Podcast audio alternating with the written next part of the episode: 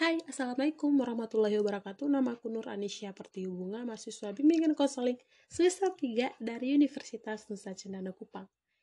Yes, guru BK.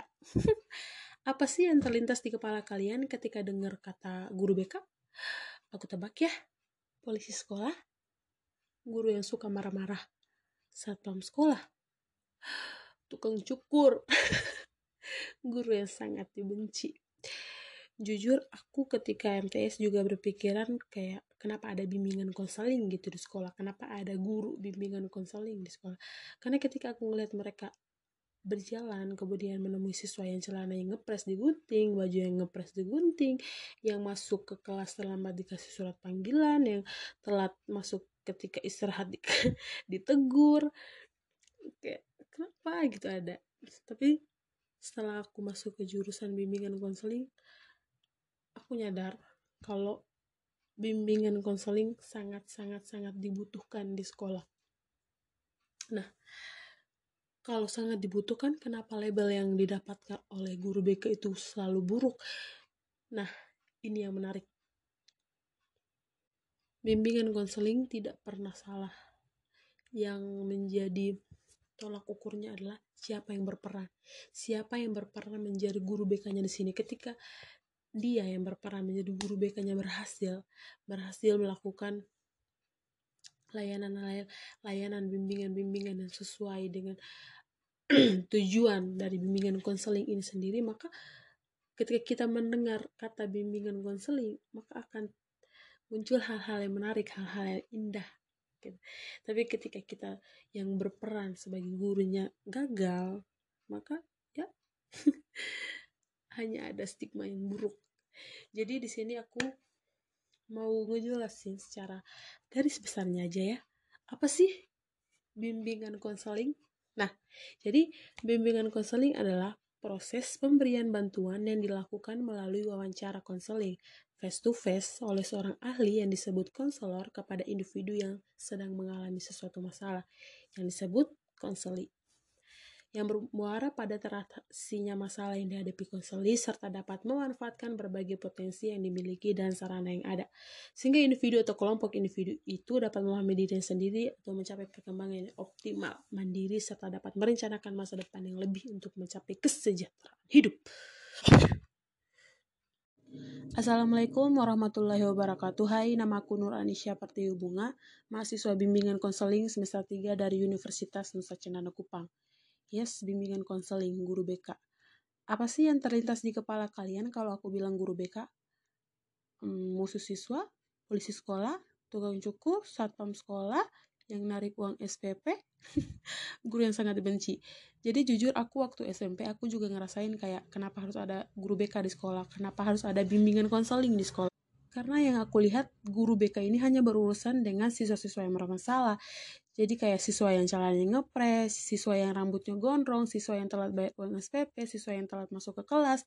Ya kayak kenapa harus ada guru yang tugasnya kayak gini, hanya menangani siswa-siswa yang bermasalah.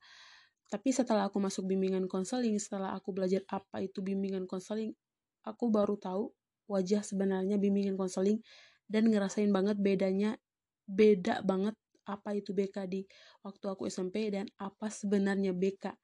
Nah, jadi aku mau jelasin pengertian bimbingan konseling. Jadi bimbingan konseling itu adalah suatu bantuan yang diberikan oleh konselor atau guru BK kepada konseli atau peserta didik agar konseli mampu menyelesaikan masalah yang dihadapinya dan juga mampu mengembangkan potensi yang dimilikinya.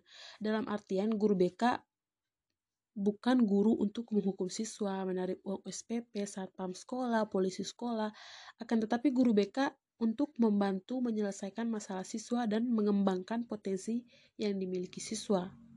Jadi guru BK bukan hanya untuk menangani siswa bermasalah saja, akan tetapi bisa menjadi tempat curhat siswa.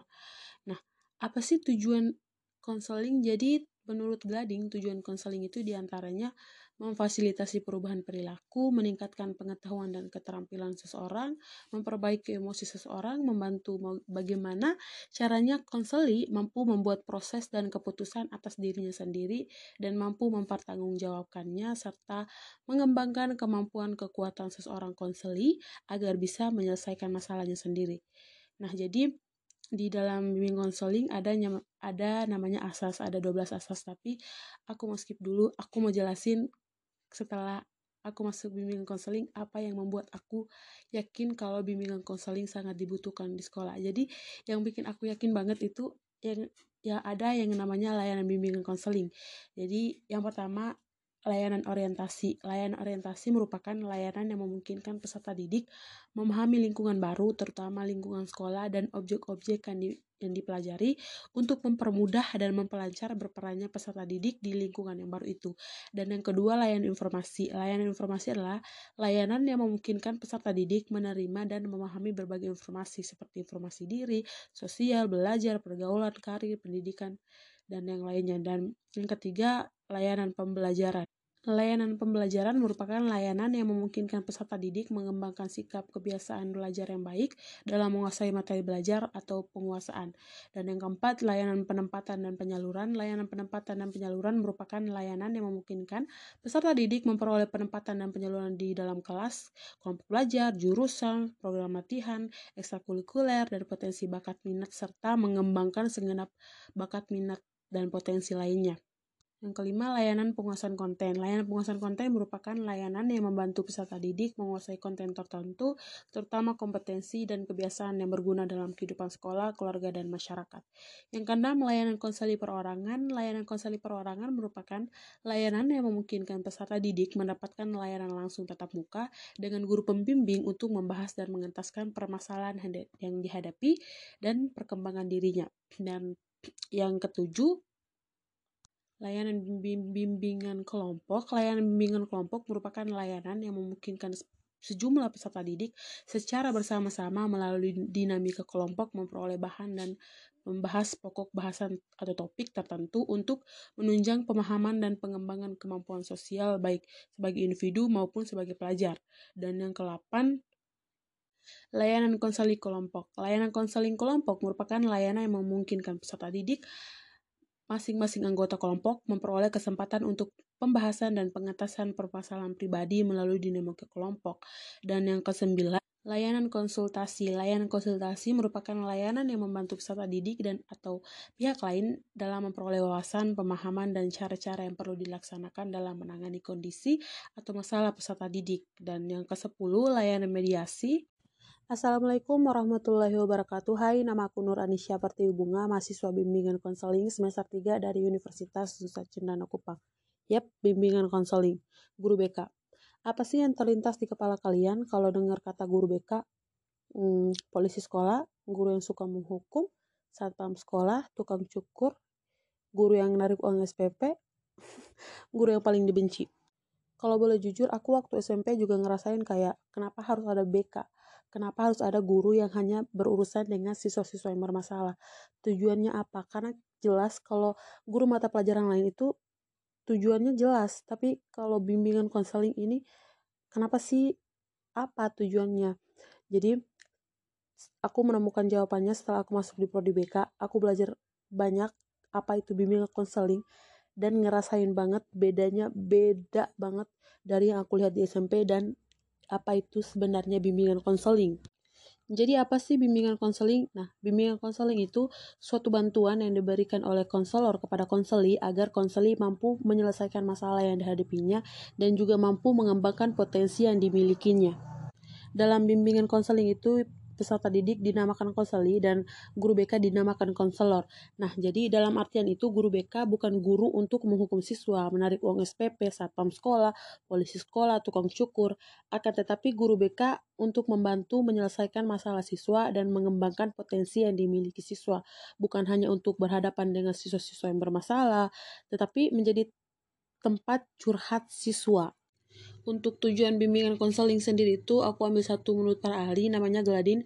Jadi menurut Gladin Tujuan konseling di antaranya memfasilitasi perubahan perilaku, meningkatkan pengetahuan atau keterampilan seseorang, memperbaiki emosi seseorang, membantu bagaimana cara cara klien mampu membuat proses atau keputusan atas dirinya sendiri dan mampu mempertanggungjawabkannya dan yang terakhir pengembangan kemampuan serta kekuatan seorang klien agar bisa menyelesaikan masalahnya sendiri. Dalam BK ada yang namanya layanan. Jadi yang pertama layanan orientasi. Layanan orientasi merupakan layanan yang memungkinkan peserta didik memahami lingkungan baru, terutama lingkungan sekolah dan objek-objek yang dipelajarinya, untuk mempermudah dan memperlancar berperannya peserta didik di lingkungan yang baru itu. Dan yang kedua, layanan informasi. Layanan ini merupakan layanan memungkinkan peserta didik menerima dan memahami berbagai informasi seperti informasi diri, sosial, belajar, pergaulan, karir, dan pendidikan lanjutan. Yang ketiga, layanan pembelajaran. Layanan ini merupakan layanan yang memungkinkan peserta didik mengembangkan sikap dan kebiasaan belajar yang baik dalam menguasai materi belajar dan penguasaan kompetensi yang cocok dengan kecepatan dan kemampuan dirinya. Dan yang keempat, layanan penempatan dan penyaluran. Layanan ini merupakan layanan yang memungkinkan peserta didik memperoleh penempatan dan penyaluran di dalam kelas. Dan yang kelima, layanan penguasaan konten. Layanan ini merupakan layanan yang membantu peserta didik menguasai konten tertentu, terutama kompetensi atau kebiasaan yang berguna dalam kehidupan sekolah, keluarga, dan masyarakat. Yang keenam, layanan konseli perorangan. Layanan ini merupakan layanan yang memungkinkan peserta didik mendapatkan layanan langsung tatap muka secara perorangan dengan guru pembimbing untuk membahas dan mengentaskan permasalahan yang dihadapinya dan perkembangan dirinya. Dan yang ketujuh, Layanan bimbingan kelompok. Layanan ini merupakan layanan yang memungkinkan sejumlah peserta didik secara bersama-sama melalui dinamika kelompok memperoleh bahan dan membahas pokok bahasan atau topik tertentu untuk menunjang pemahaman dan pengembangan kemampuan sosial baik sebagai individu maupun sebagai pelajar.